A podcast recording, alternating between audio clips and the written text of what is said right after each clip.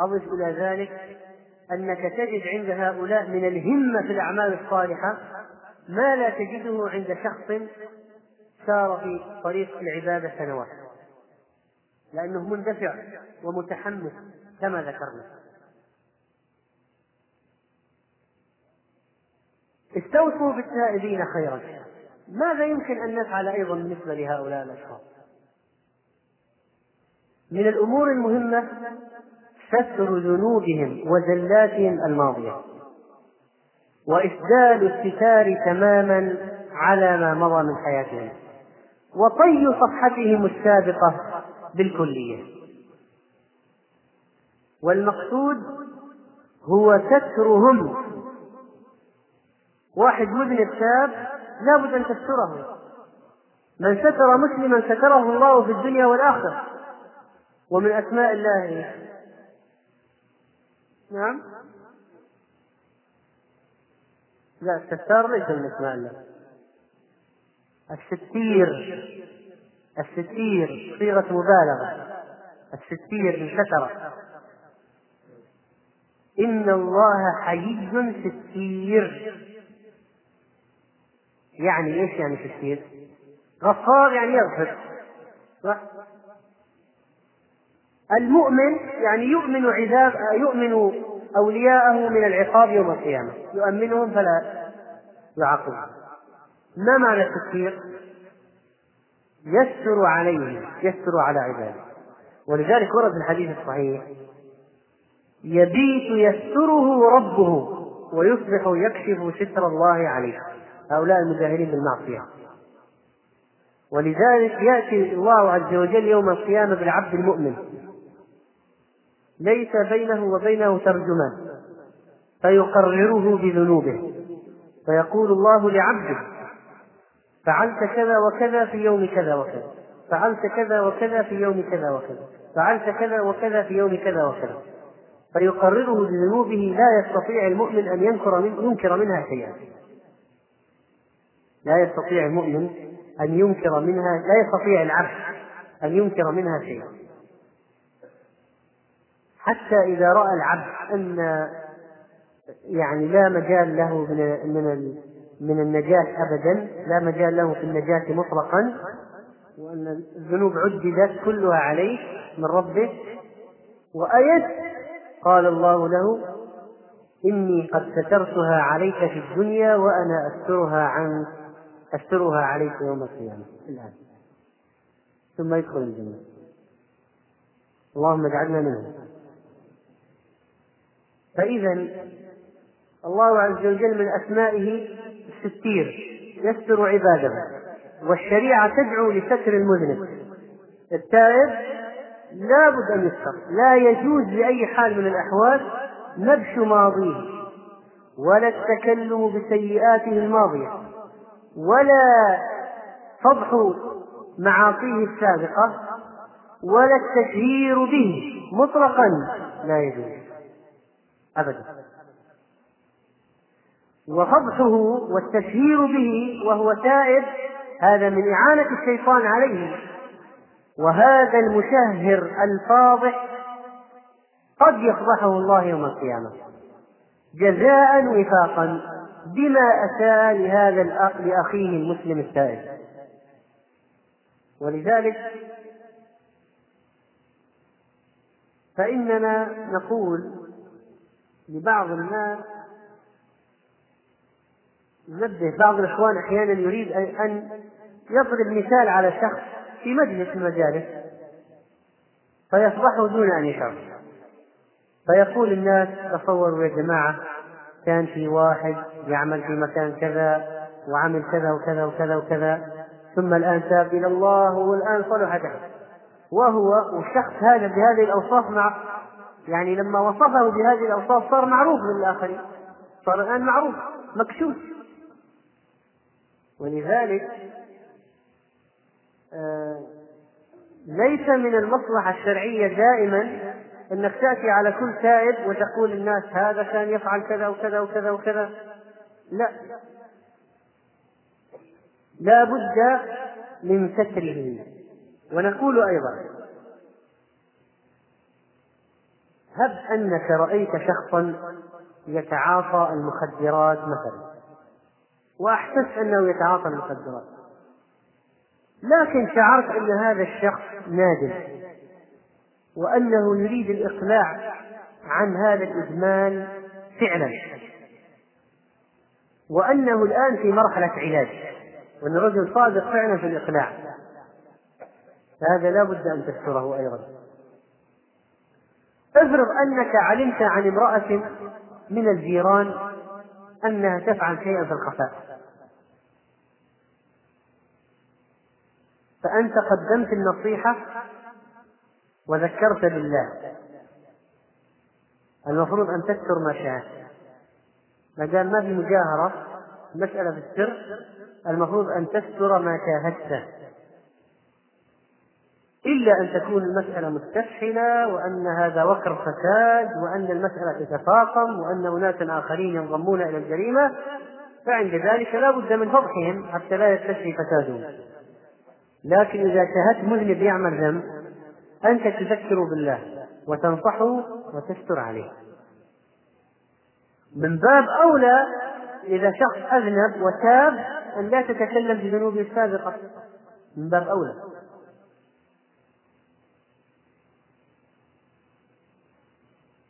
من أنواع الستر من أنواع الستر. أن يكون مثلا هذا المدمن قد يفقد وظيفته أو فقد وظيفته. فيأتي واحد من الصالحين فيجعل يهيئ له وظيفة بعد توبته. لأن بعض الناس لا يبالون بمثل هذه الشخصيات. يقول هذا هذا كان مدمن ماذا أريد به؟ وبعض الناس لو علم أن هذه المرأة الملتزمة كان لها سوابق في الماضي. فيقول لا يمكن أن أقترب من هذه مطلقا في مسألة زواج وبعض الأزواج لو علم بأن زوجته ارتكبت معصية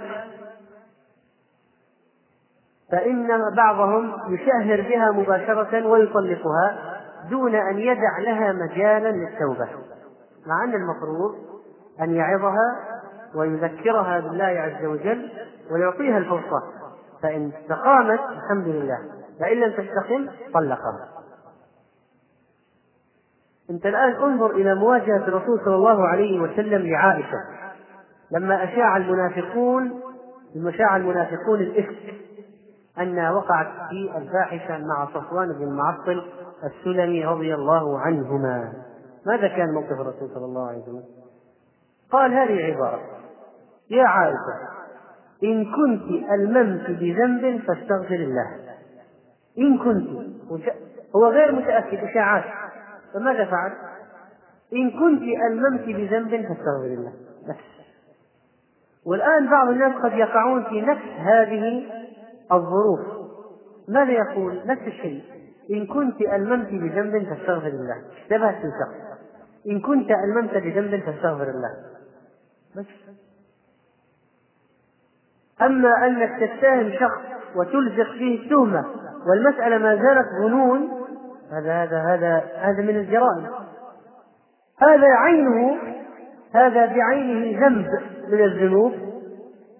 أنت ترتكبه الآن باتهامك للشخص البريء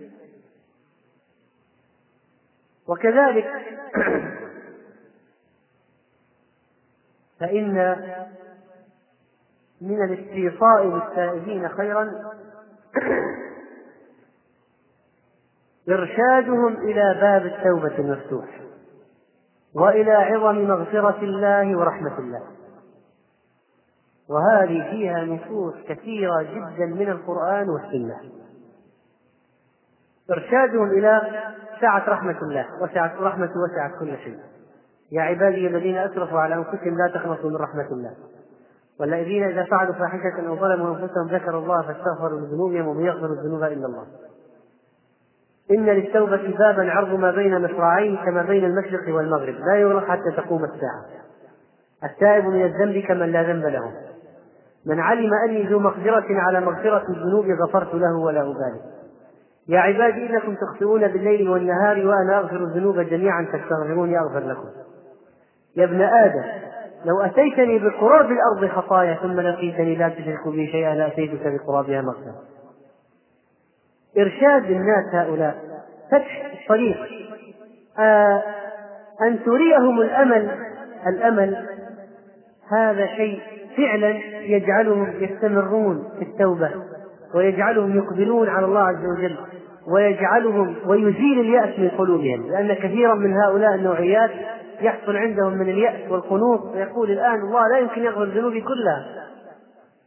وليكن موقفك فيه تأس فيه تأس بالعالم لما جاءه قاتل المئة قاتل المئة جاء للعالم قال هل لي من قتلت مئة نفس هل لي من توبة؟ قال ومن يحول بينك وبين التوبة؟ ومن يحول بينك وبين التوبة؟ أما قضية أن يرى الإنسان مذنبا فيقول والله لا يغفر الله له فهذه من أعظم المصائب إن رجلا قال والله لا يغفر الله لفلان قال الله من ذا الذي يتألى علي أن لا أغفر لفلان؟ فإني قد غفرت لفلان وأحبطت عمله. تكلم بكلمة أوبقت دنياه وآخرته. ولهذه قصة وردت في الحديث الصحيح التالي كان رجلان في بني إسرائيل متواخيان وكان أحدهما مذنبا والآخر مجتهدا في العبادة. وكان وكان لا يزال المجتهد يرى الآخر على الذنب فيقول أقصر كف عن الذنوب. فوجده يوما على ذنب فقال له أقصر حتى الآن سليم موقف سليم. فقال له أقصر فقال خلني وربي أبعدت علي رقيبا. فقال والله لا يغفر الله لك. أو لا يدخلك الجنة. قال والله لا يدخلك الله الجنة فقبض روحهما. فاجتمعا عند رب العالمين. فقال لهذا المجتهد. مجتهد في العبادة. أكنت بي عالما؟ أو كنت على ما في يدي قادرا؟ وقال للمذنب اذهب فادخل الجنة برحمتي. برحمتي. وقال للآخر اذهبوا به إلى النار.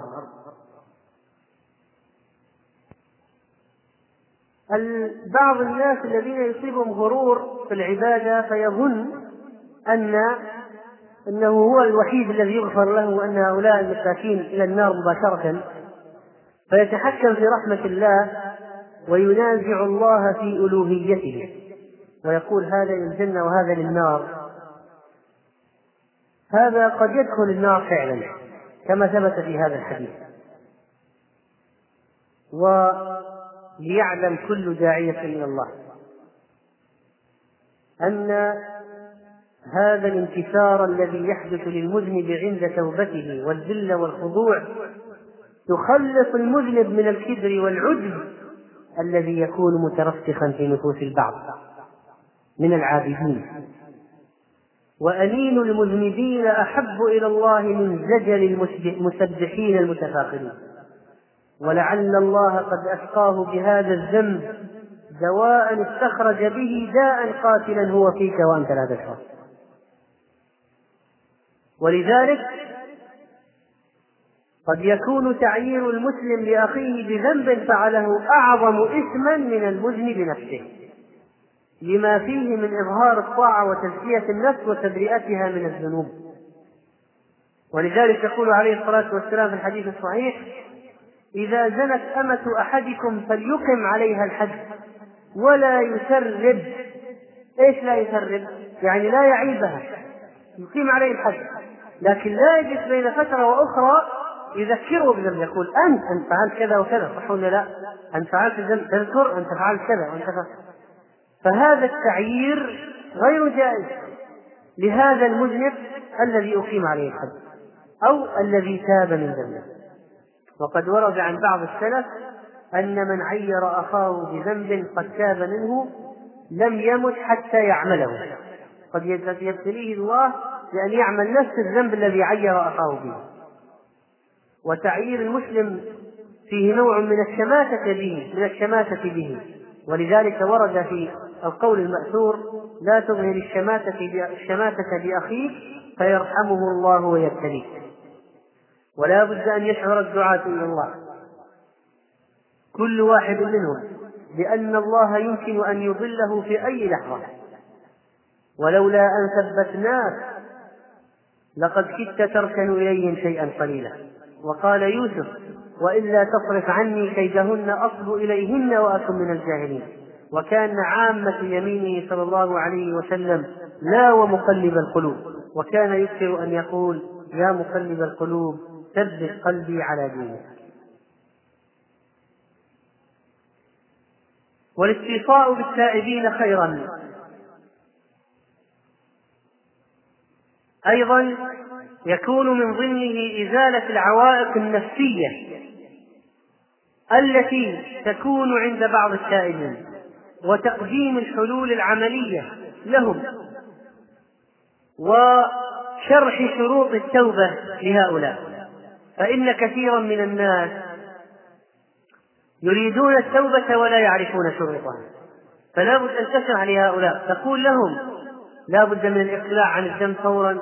الندم على ما فات العزم على العزم على عدم العودة إليه إرجاع حقوق العباد الذين ظلمتهم أو طلب البراءة منهم ومسامحتهم وأن يكون ترك الذنب لله لا لشيء آخر.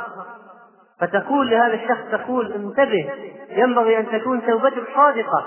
فمثلا لا تقبل توبة من ترك ذنبا لحفظ صحته كمن ترك الزنا أو الفاحشة لما فيها من الأمراض الفتاكة أو ترك السرقة خوفا من الشرطي أو ترك أخذ الرشوة لأنه خشي أن يكون معطيها من هيئة مكافحة الرشوة مثلا.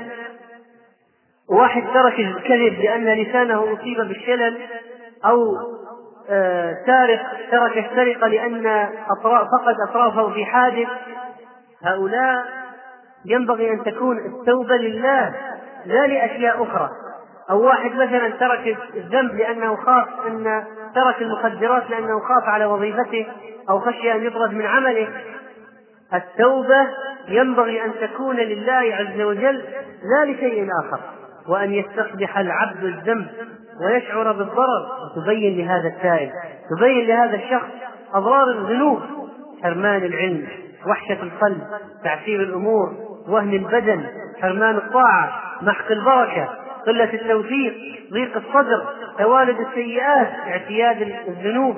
هوان المذنب على الله هوانه على الناس. لعنة البهائم له لباس الذل الطبع على قلبه. الدخول تحت لعنة الله ورسوله. ومنع إجابة الدعاء والفساد في البر والبحر. وانعدام الغيرة وذهاب الحياء وزوال النعم ونزول النقم والرعب في قلب العاصي والوقوع في أسر الشيطان وسوء الخاتمة وعذاب الآخرة. لابد أن نبين لهم عاقبة الذنوب وأضرار الذنوب. كذلك لا بد أن نقول لهم انتبهوا إنكم قد تتركون معاصي وتصرون على معاصي أخرى. قد تنتقل من معصية إلى معصية لأن طبعك متعلق فيها أو لأن أسبابها حاضرة أو لأن الشهوة فيها أقوى أو لأن القرناء لا يتركونك إلا بها. وكذلك فإنه لا بد أن نذكر أنفسنا جميعا. أن التوبة تحتاج أن التوبة أن التائب لا ينبغي أن يشعر أن الله غفر له انتهينا وأنه الآن خلاص. صار صفحته بيضاء تماما وأنه ينبغي أنه لا يزال يشعر يخاف من تلك الذنوب يشعر أنها جبل يريد أن يقع عليه. هو يرجو رحمة الله لا ييأس. لكن لا يقول أنا متأكد أن الله غفر ذنوبي أني داخل الجنة داخل الجنة. وكذلك لا بد أن نرشدهم إلى ما أرشده ذلك الرجل الصالح لقاتل المئة العالم. قال اذهب إلى بلدة كذا وكذا فإن فيها أناسا صالحين يعبدون الله فاعبد الله معهم. لا بد أن ترشد الناس تقول أول شيء أصحاب السوء اللي, اللي أنت ماشي معهم تتركهم نهائيا. تذهب إلى فلان وفلان وفلان تخالفهم وتعاشرهم ثانيا وسائل المعصية لابد من إتلافها فورا. لو عندك صور سيئة في البيت مجلات سيئة أفلام محرمة أشياء محرمة تتعاطى آه، أدوات له مزامير معازف أشرطة فساد لابد تتخلص منها فورا. هذا شيء لابد أن يرسخ في نفوس التائبين. استوصوا بهم خيرا. لماذا؟ لأن كثيرا من التائبين قد يعودون إلى الذنوب مرة أخرى لأن الأشياء وسائل الذنوب ما زالت موجودة في بيوتهم. ما زالت موجودة على مقربة منهم. ولذلك يسهل عليه العودة. فلا بد أن تعلمه أن يترك كل تلك الأشياء وأن يتلفها وأن يخلع على عتبة التوبة كل ملابس الجاهلية وأوضارها وأن تشرح له. أن يعمد إلى هذا البدن الذي رباه بالصدق والحرام فيصرف طاقته في طاعة الله حتى يبارك حتى يبارك الله فيه. ومن الأمور المهمة أيها الإخوة أن نوجد الحلول العملية لهؤلاء التائبين بعض التائبين يعاني من مشكلات بعض التائبين يعاني من علاقات في الماضي بعض التائبين يعاني من مشاكل ترتبت على حياته الماضية. لا بد أن نمد لهؤلاء يد العون وأن نقول لهم إننا على استعداد لمساعدتهم. إننا على استعداد للأخذ بأيديهم والوقوف بجانبهم. إنهم ليسوا لوحدهم. فإننا أيضا نشد من أجلهم ونعينهم على ما هم فيه من الطاعة والإقبال على الله عز وجل. وكثير من المشاكل النفسية. كشعور التائب أن الله لا يمكن أن يغفر له وأن ذنوبه أعظم من مغفرة الله. أو يقول أنا هل لابد أني أذهب وأعترف بالذنوب التي ارتكبتها ولابد أفعل لابد أذهب المحكمة وأقر بالزنا الذي فعلته؟ هل هل هل أنا هل إذا أذنبت ذنبا ثم تبت ثم أذنبت كأني ما تبت ولا أن التوبة الأولى صحيحة؟ إذا استوفت شروطها لا بد أن نقوم بالإجابة على جميع علامات الاستفهام الموجودة أن نعلمهم صلاة التوبة. إذا أذنب ذنبا كيف يتوب ما هي صلاة التوبة؟ ما هي صفاتها؟ ماذا يقول فيها؟ بعض أصدقائه القدامى قد يهددونه. واحد يقول كانوا يدسون له صور من تحت الباب. أخذوا له صور في الماضي فلما تاب صاروا يهددونه. ويضعون له الصور تحت الباب يرسلون له برسائل يقولون له ترى نستطيع أن نفضحك عندنا إثباتات عليك. هذا الشخص أو واحدة مثلا خبيث يسجل لها مكالمات كانت تكلمه في الماضي ثم يهددها بفضحها هنا لابد أن تقوم الواعيات من المسلمات وقوف بجانب هذه التائبة لابد أن يقوم الواعون من المسلمين بالوقوف بجانب هذا التائب هذه لحظات حرجة وحساسة. ولذلك آه، أو أو مثلا بعض الناس آه، ما عنده إجابات واضحة مثلا يقول أنا تركت صلوات علي قضاء ولا لا؟ تركت صيام علي قضاء ولا لا؟ أنا تركت زكوات ما أخرجتها في الماضي. ماذا أفعل؟ أنا أنا قتلت. قد يقول أنا قتلت. قد يقول سرقت كيف أفعل؟ قد يقول أنا محرج. إن أرجع الأشياء المسروقة إلى أصحابها أنا محرج. كيف أرجع الأشياء المسروقة إلى أصحابها؟ قد يقول أنا لا أعرف كم سرقت بالضبط المقدار ما أعرف كم. قد يقول أنا الناس اللي سرقت منهم آه، راحوا لا أعرف عناوينهم. ذهبوا ثلاثة كيف ماذا أفعل؟ قد يقول مثلا عندي سرقت شيء هل يجب أن أعيده بذاته ولا أعيد قيمته؟ قد يقول مثلا أخذت رشوة قد يقول أنا عملت أعمال محرمة. يمكن واحد مغني يتوب إلى الله. عنده أموال من الغناء زانية تتوب إلى الله عندها أموال من الزنا. ومروج مخدرات عنده أموال من ترويج المخدرات. هذه الأموال ما حكمها؟ كيف يفعلون؟ المرابين الذين يتعاملون بالربا. كيف يفعلون بأموالهم؟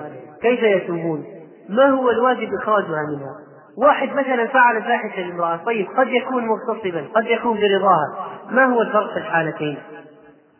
مثلا واحد عقد على زانية. عقد. هل العقد صحيح؟ وماذا يترتب على ذلك؟ رجل كان ينشر الأفكار الإلحادية. كيف تكون توبته الآن؟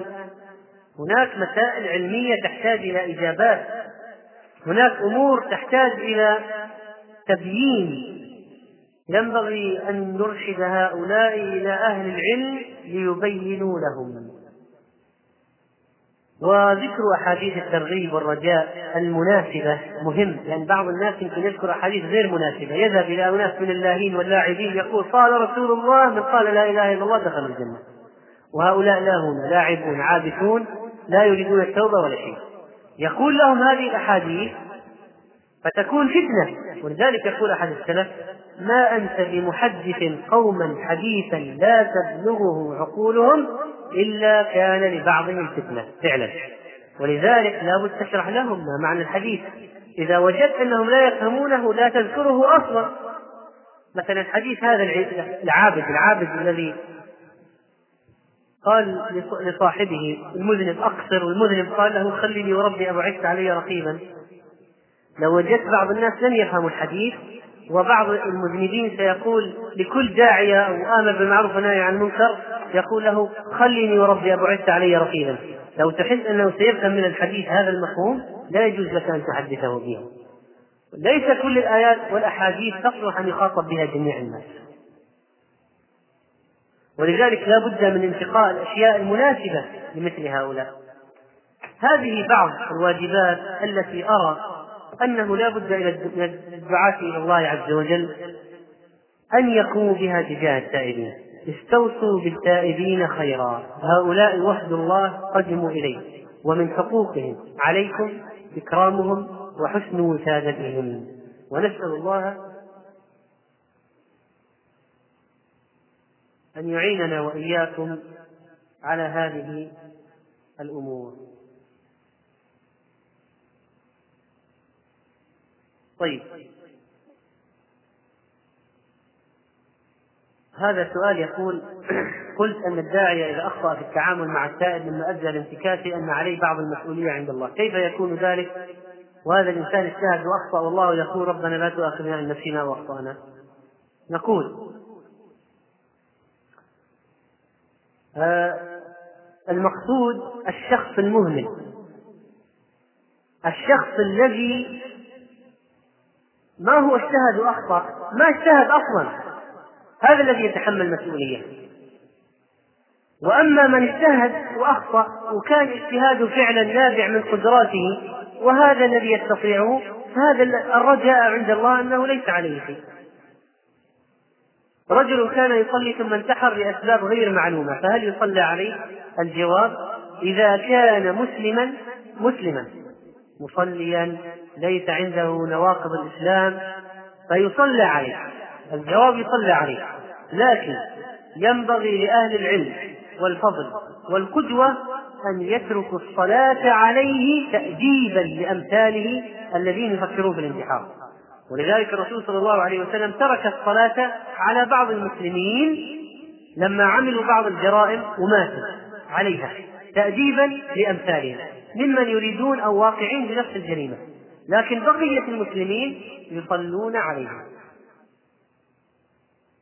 رجل في مدينة جدة كان يصلي فرضا ويترك فروضا وكان يشرب المخدرات وفي يوم من الأيام في الساعة الثالثة ليلا صب على نفسه الغاز أو البنزين وأشعل النار كي ينتحر. وتداركه إخوته ونقل إلى المستشفى ثم قعد ثمانية عشر يوما ثم توفي. السؤال هل يصلى عليه؟ علما أنه أثناء فترة وجوده في المستشفى كان يقول يقول أنه سيتوب وكان يقول لا إله إلا الله. إذا كان في فترة جلوسه في المستشفى تاب إلى الله ويصلي يعني مسلم فإنه يصلى عليه كما قدمنا. يقول هل يأثم التائب الذي يفكر بين الحين والآخر بالملذات السابقة؟ أما من ناحية الإثم فإنه قد لا يأثم لأن الله تجاوز لي عن أمتي ما حدثت به أنفسها ما لم تكلم أو تعمل. لكن لو وصلت إلى مرحلة القول فيأثم. يعني واحد جلس مع أصحابه قال يا جماعة والله أنا أتمنى أن الزنا غير محرم حتى أرجع إلى الزنا. طبعا هذه قولة خطيرة جدا. واحد قال كنت أفعل أفعل متفاخرا. متفاخرا. ليس على سبيل الندم متفاخرا يقول هذا الكلام هذا يأثم. أو مثلا قال والله كانت الذنوب التي أقارفها في جاهليتي كانت لذيذة وكان فيها كذا يتحدث عنها بنوع من الانتشاء. هذا يأثم. إذا وصلت المسألة إلى القول أو العمل فإنه يأثم. إذا ظلت حديثة النفس وهو يجاهد نفسه لأنه قد فعلا أحيانا إذا تذكر اسم معين ينتشي ويشعر باللذة على شيء مضى. فهنا ينبغي أن يجاهد نفسه ما دامت الأمور حبيثة فنرجو أن الله عز وجل لا يؤاخذه عليها. أنا شاب أبلغ من العمر ثمانية أو ثمانية وعشرين سنة ثمانية وعشرين عاما أو ثمان نعم. لي ذنوب وكبائر تهز الجبال لا يعلمها إلا الله. وعند رؤية أول رسل الموت وعند رؤية أول شعر بيضاء في رأسي استيقظت من سبات عنيف وتبت إلى الله توبة نصوحا صادقة. وتركت كل ذنوبي وعاهدت الله ألا أشرب الدخان. وعاهدت الله أن أترك جميع الذنوب. إلا شرب الدخان لم أستطع تركه فما هو الحل. طبعا هذا الشخص إذا صدق في كلامه فإن التوبة تجب ما قبلها. وهذه التوبة من الذنوب الماضية تمسح الماضي إلا الذنب الذي بقي مصرا عليه. هذه مسألة علمية مهمة. يقول يعني لو واحد تاب من ذنب وبقي مصرا على ذنب آخر. ما هو الحكم؟ ذكر ابن القيم رحمه الله أنه إذا كان الذنب الذي هو تاب منه يختلف عن الذنب الذي هو لا زال مصرا عليه فإن التوبة صحيحة. وإذا كان من نفس النوع فإن التوبة غير صحيحة. مثال رجل تاب من شرب الخمر وهو مصر على عقوق الوالدين. فما حكم توبته من شرب الخمر؟ صحيحة ويبقى عليه اسم حقوق الوالدين. واحد تاب من الزنا بامرأة ولا يزال مصرا على الزنا بامرأة أخرى. هل تصح توبته؟ لا. واحد تاب من ربا الفضل لكنه مصر على ربا النسيئة. تقبل توبته؟ لا.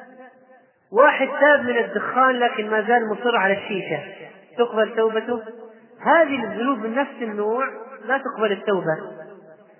إذا هو ترك ذنب وما زال مصر على ذنب آخر من نفس النوع لا تقبل التوبة. لكن لو تاب من ذنب وهو مصر على ذنب آخر مختلف عنه فإن التوبة من هذا الذنب صحيحة والذنب الآخر لا زال عليه.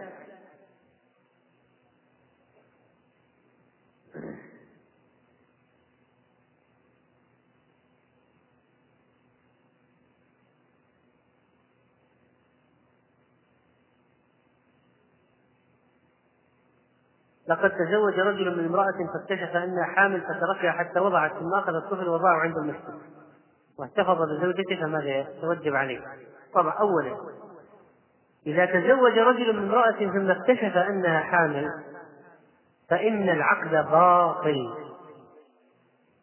ولا بد أن يتركها ويفارقها حتى تضع.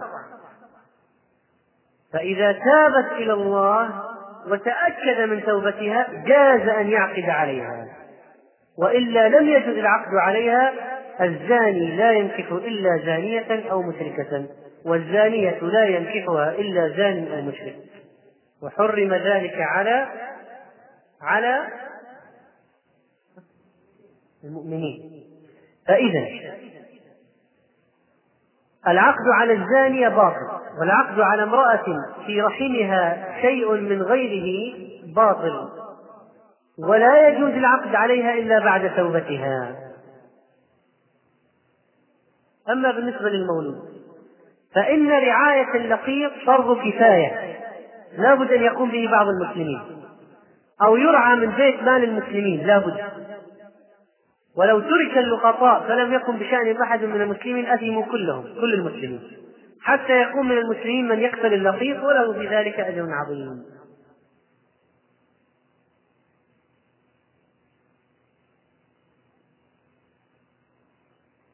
طيب هذا ما يتعلق بالأسئلة.